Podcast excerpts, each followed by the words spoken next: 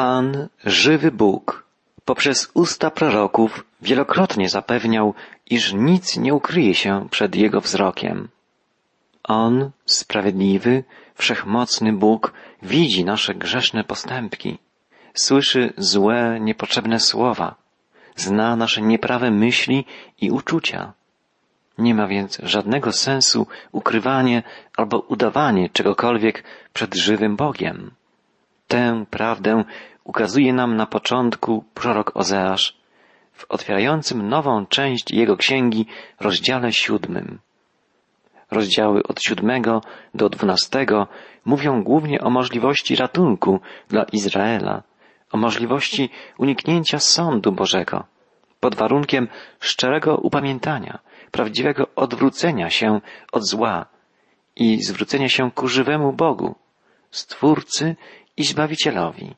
W pierwszym wierszu siódmego rozdziału Księgi Ozeasza czytamy Gdy Izraela uleczę, jawną się stanie wina Efraima, a razem z nią występki Samarii, bo oni kłamliwie działają. Złodziej wchodzi do wnętrza, a na zewnątrz plądruje zgraja rabusiów.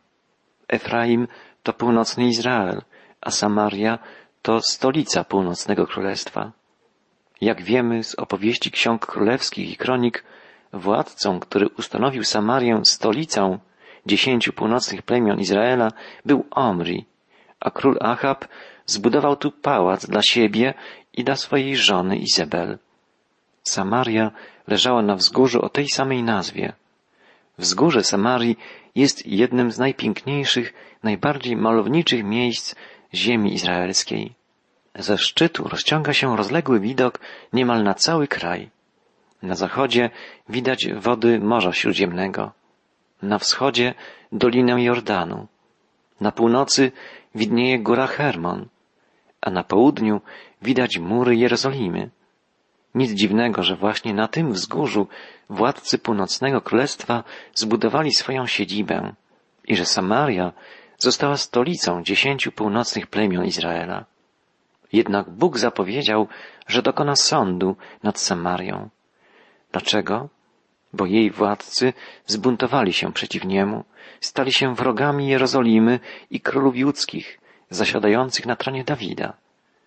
Ustanowili sobie własne ośrodki kultu. Nie pielgrzymowali do świątyni jerozolimskiej. Odwrócili się od Pana, od Jego prawa, sprzeciwili się Jego woli.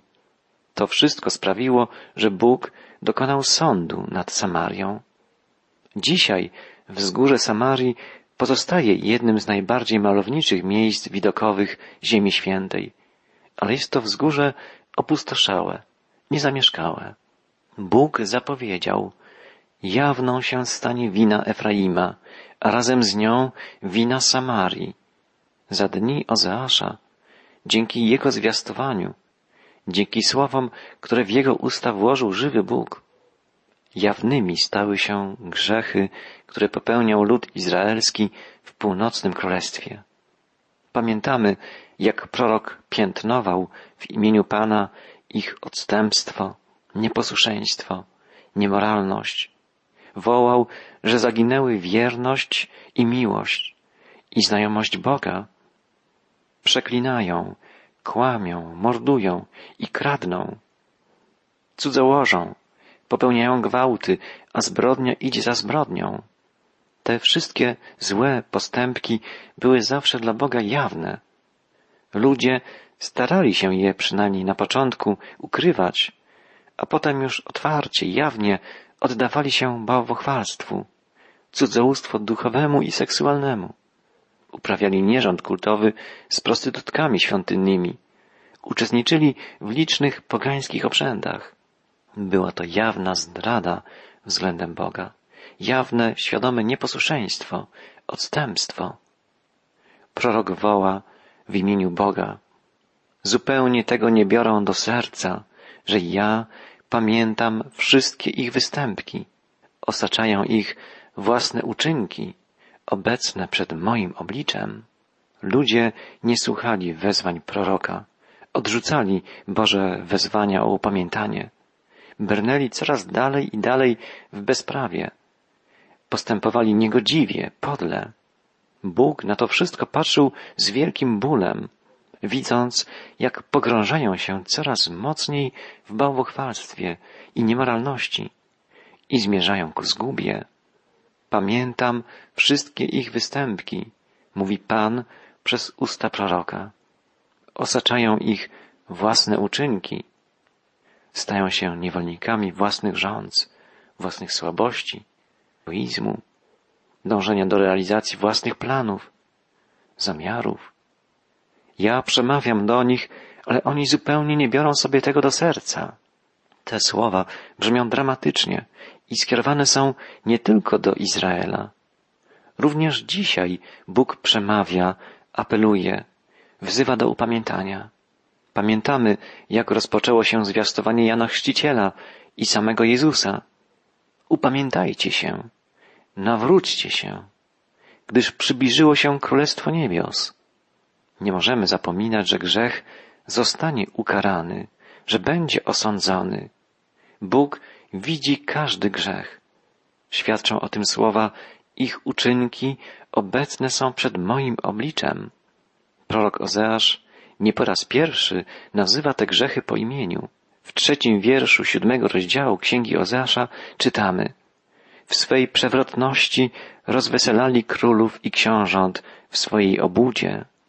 Rozweselano umyślnie, czyli upijano królów i książąt i w orgiach pijackich ich mordowano, żeby zająć ich miejsce na tronie. Przypadki królobójstwa opisane są w księgach historycznych Starego Testamentu, na przykład w pierwszej księdze królewskiej w rozdziale szesnastym. Czytamy tam o morderstwie dokonanym na królu o imieniu Ela.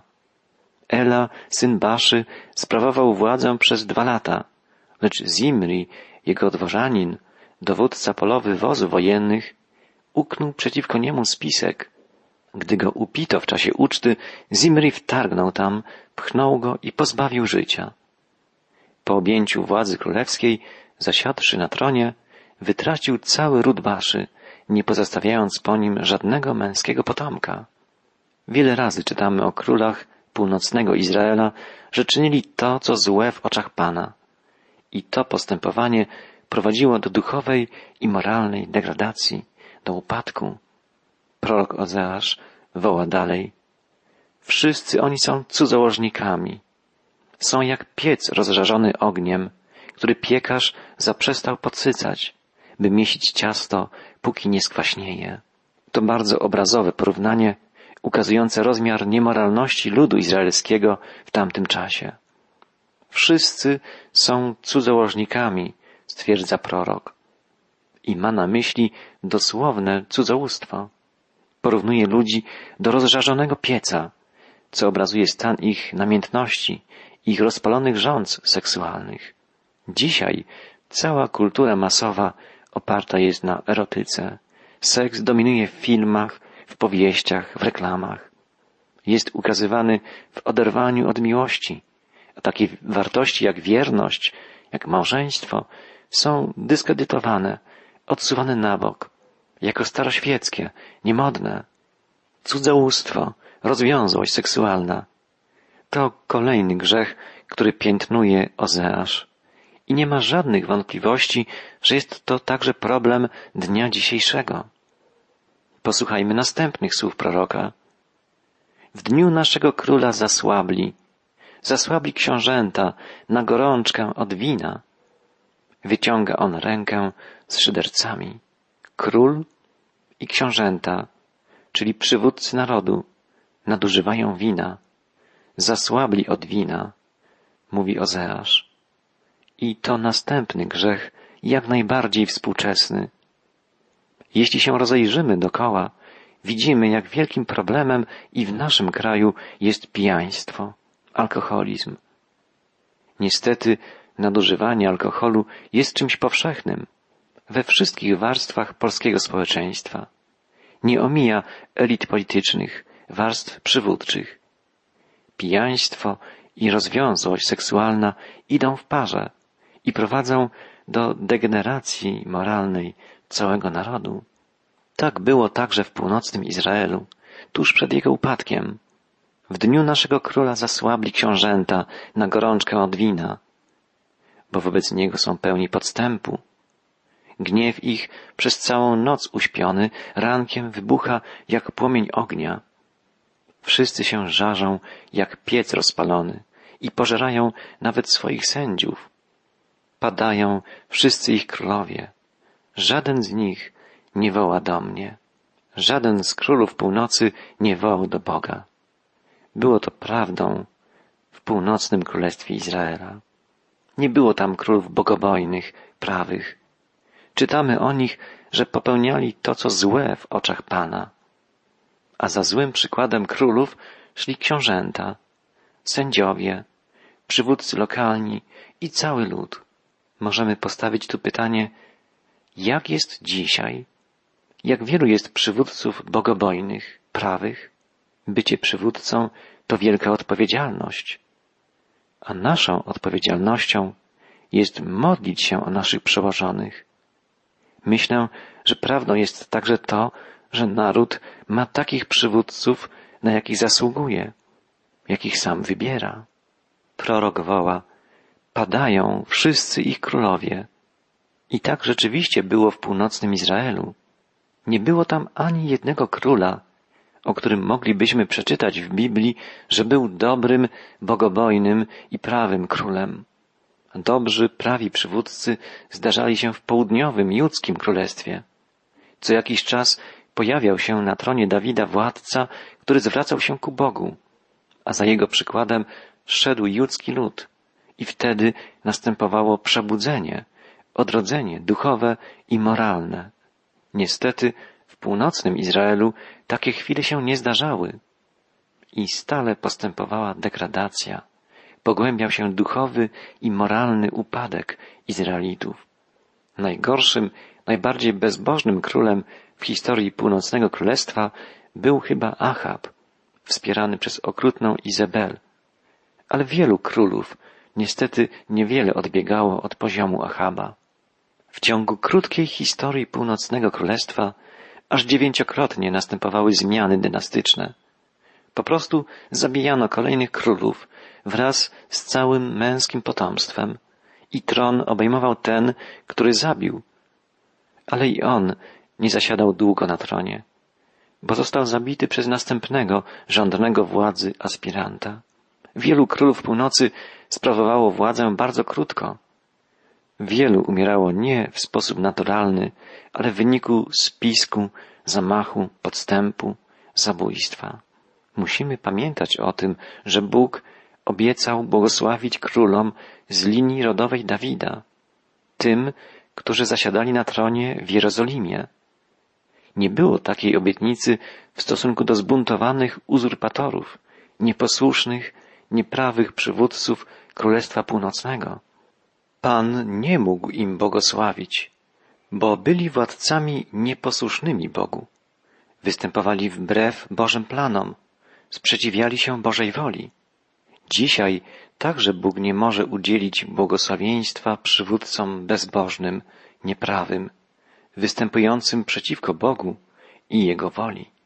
Następną rzeczą, którą piętnuje prorok Ozeasz, jest uleganie obcym wpływom i sprzymierzanie się z ludźmi wrogimi Bogu. Czytamy od wiersza ósmego. Z narodami się zmieszał Efraim. Jest podobny do podpłomyka, którego nie odwrócono. Siłę jego pochłaniają obcy, a on nic o tym nie wie. Przypruszyła mu włosy siwizna, a on nic o tym nie wie. Prorok porównuje Izrael najpierw do podpłomyka, którego zapomniano odwrócić na drugą stronę. Podpłomyk, który był i nadal jest przysmakiem na Bliskim Wschodzie, podobny jest do naszego racucha czy naleśnika. Jeśli smażymy naleśnik i zapomnimy go odwrócić, będzie z jednej strony przypalony, a z drugiej blady, albo nawet surowy. Ozeasz stwierdza, że Izrael jest podobny do takiego jednostronnie przypalonego placka. Względem ludów, które go otaczają, jest gorący, podatny na wszelkie wpływy. Natomiast względem Boga jest zimny, surowy, obojętny. Siłę Jego pochłaniają obcy, woła prorok, a on nic o tym nie wie.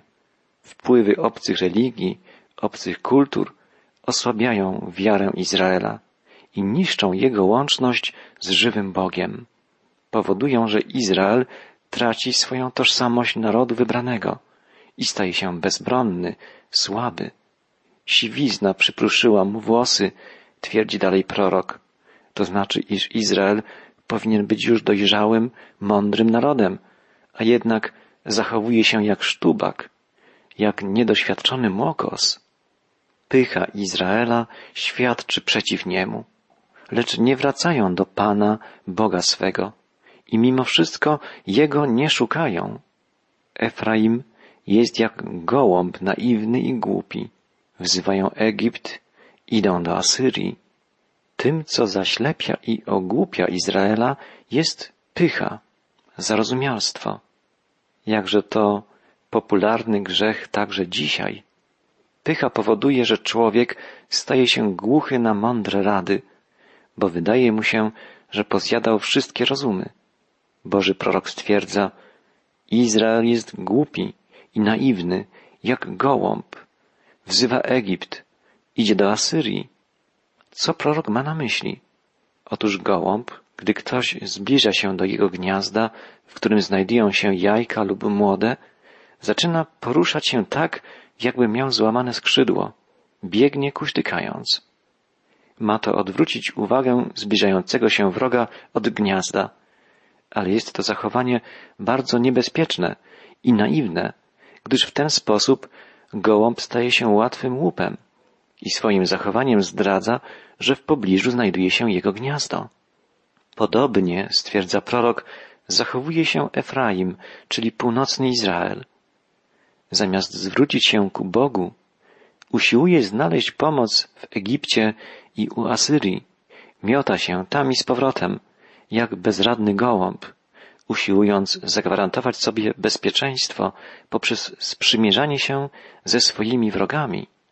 Jest to postępowanie naiwne i głupie, bo w ten sposób Izrael obnaża swoją słabość, zdradza swoją beznadziejną sytuację.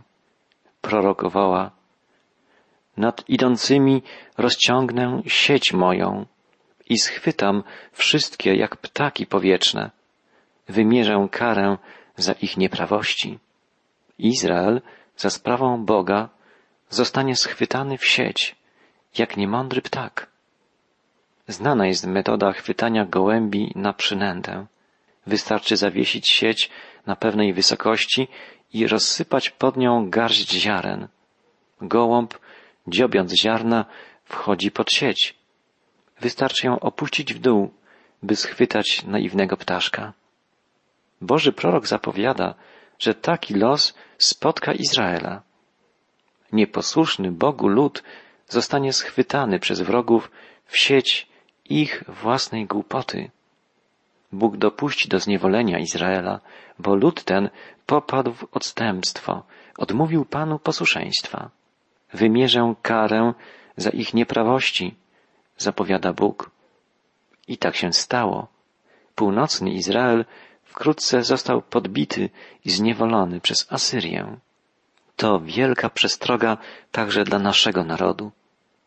Jeśli usiłujemy szukać bezpieczeństwa gdzie indziej niż u Boga, postępujemy naiwnie, głupio i srodze się zawiedziemy. Tylko Bóg może zagwarantować nam prawdziwe bezpieczeństwo, bezpieczeństwo wieczne. Głupotą jest szukać bezpieczeństwa gdzie indziej, bo tylko Bóg, Stwórca świata, Pan życia i śmierci, może ochronić nas przed każdym niebezpieczeństwem i ostatecznie wprowadzić nas w Królestwo Wieczności. Posłuchajmy, co na koniec woła prorok w imieniu Pana. Biada im, że uciekli daleko ode mnie. Zguba ich czeka za bunt podniesiony. Chcę ich wyzwolić, lecz kłamią przeciwko mnie. Bożym zamiarem jest ocalenie, wyzwolenie Izraela. Ale jak Bóg ma to uczynić, gdy Izraelici uciekają od Niego? gdy buntują się przeciw Niemu? Nie wołają do mnie z głębi swego serca, gdy krzyk podnoszą na swoim posłaniu. Nacinają sobie skórę z powodu zboża i wina, lecz wobec mnie są pełni oporu. Nacinanie sobie skóry było okaleczeniem rytualnym. W ten sposób poganie usiłowali zjednać sobie bóstwa, by dały im obfite plony zbóż i winogron. Izraelici przejęli ten pogański obrzęd. Zamiast wołać z głębi serca do żywego Boga, uprawiali pogańskie rytuały. Potrafią nacinać sobie skórę z powodu zboża i wina, żali się Pan, ale wobec mnie są pełni oporu. Ja umacniałem ich ramię, a przecież przewrotne swe plany przeciw mnie skierowali. Zwrócili się ku Baalom, stali się jak łuk zawodny. Mieczem pobici legną ich książęta z powodu swoich języków złośliwych i pośmiewiskiem staną się w Egipcie. Bóg wiele razy umacniał Izraela, ale lud ten, zamiast okazać Panu wdzięczność, zbuntował się i zaczął realizować swoje własne plany. Stał się jak łuk zawodny, to znaczy taki, z którego nie można wystrzelić strzały lecącej prosto do celu, bo jest za słaby i przy napięciu łamie się, zrywa cięciwę. Prorok zapowiada, że książęta Izraela, szczycący się sławą, pełni przechwałek, legną pobici mieczem i staną się pośmiewiskiem w Egipcie. Tak się stało, gdy Izrael został upokorzony i zniewolony przez rosnącą w potęgę Asyrię. Taka jest konsekwencja nieposłuszeństwa względem Boga. Konsekwencja braku wdzięczności za Jego dzieła. Taka jest konsekwencja samowoli, pychy, popychającej do postępowania egoistycznego i głupiego. To ostrzeżenie proroka dotyczy nie tylko Izraela, ale także nas, naszego narodu. Biada nam, jeśli odchodzimy, oddalamy się od Boga. Czeka nas zguba, jeśli buntujemy się przeciw Niemu i odmawiamy Mu posłuszeństwa, realizując własne plany. Wołajmy do Niego z głębi serca. Bądźmy Mu wdzięczni za to, że chce nas ocalić, zbawić, a będzie nas umacniał i sprawi, że odniesiemy zwycięstwo w naszym boju wiary.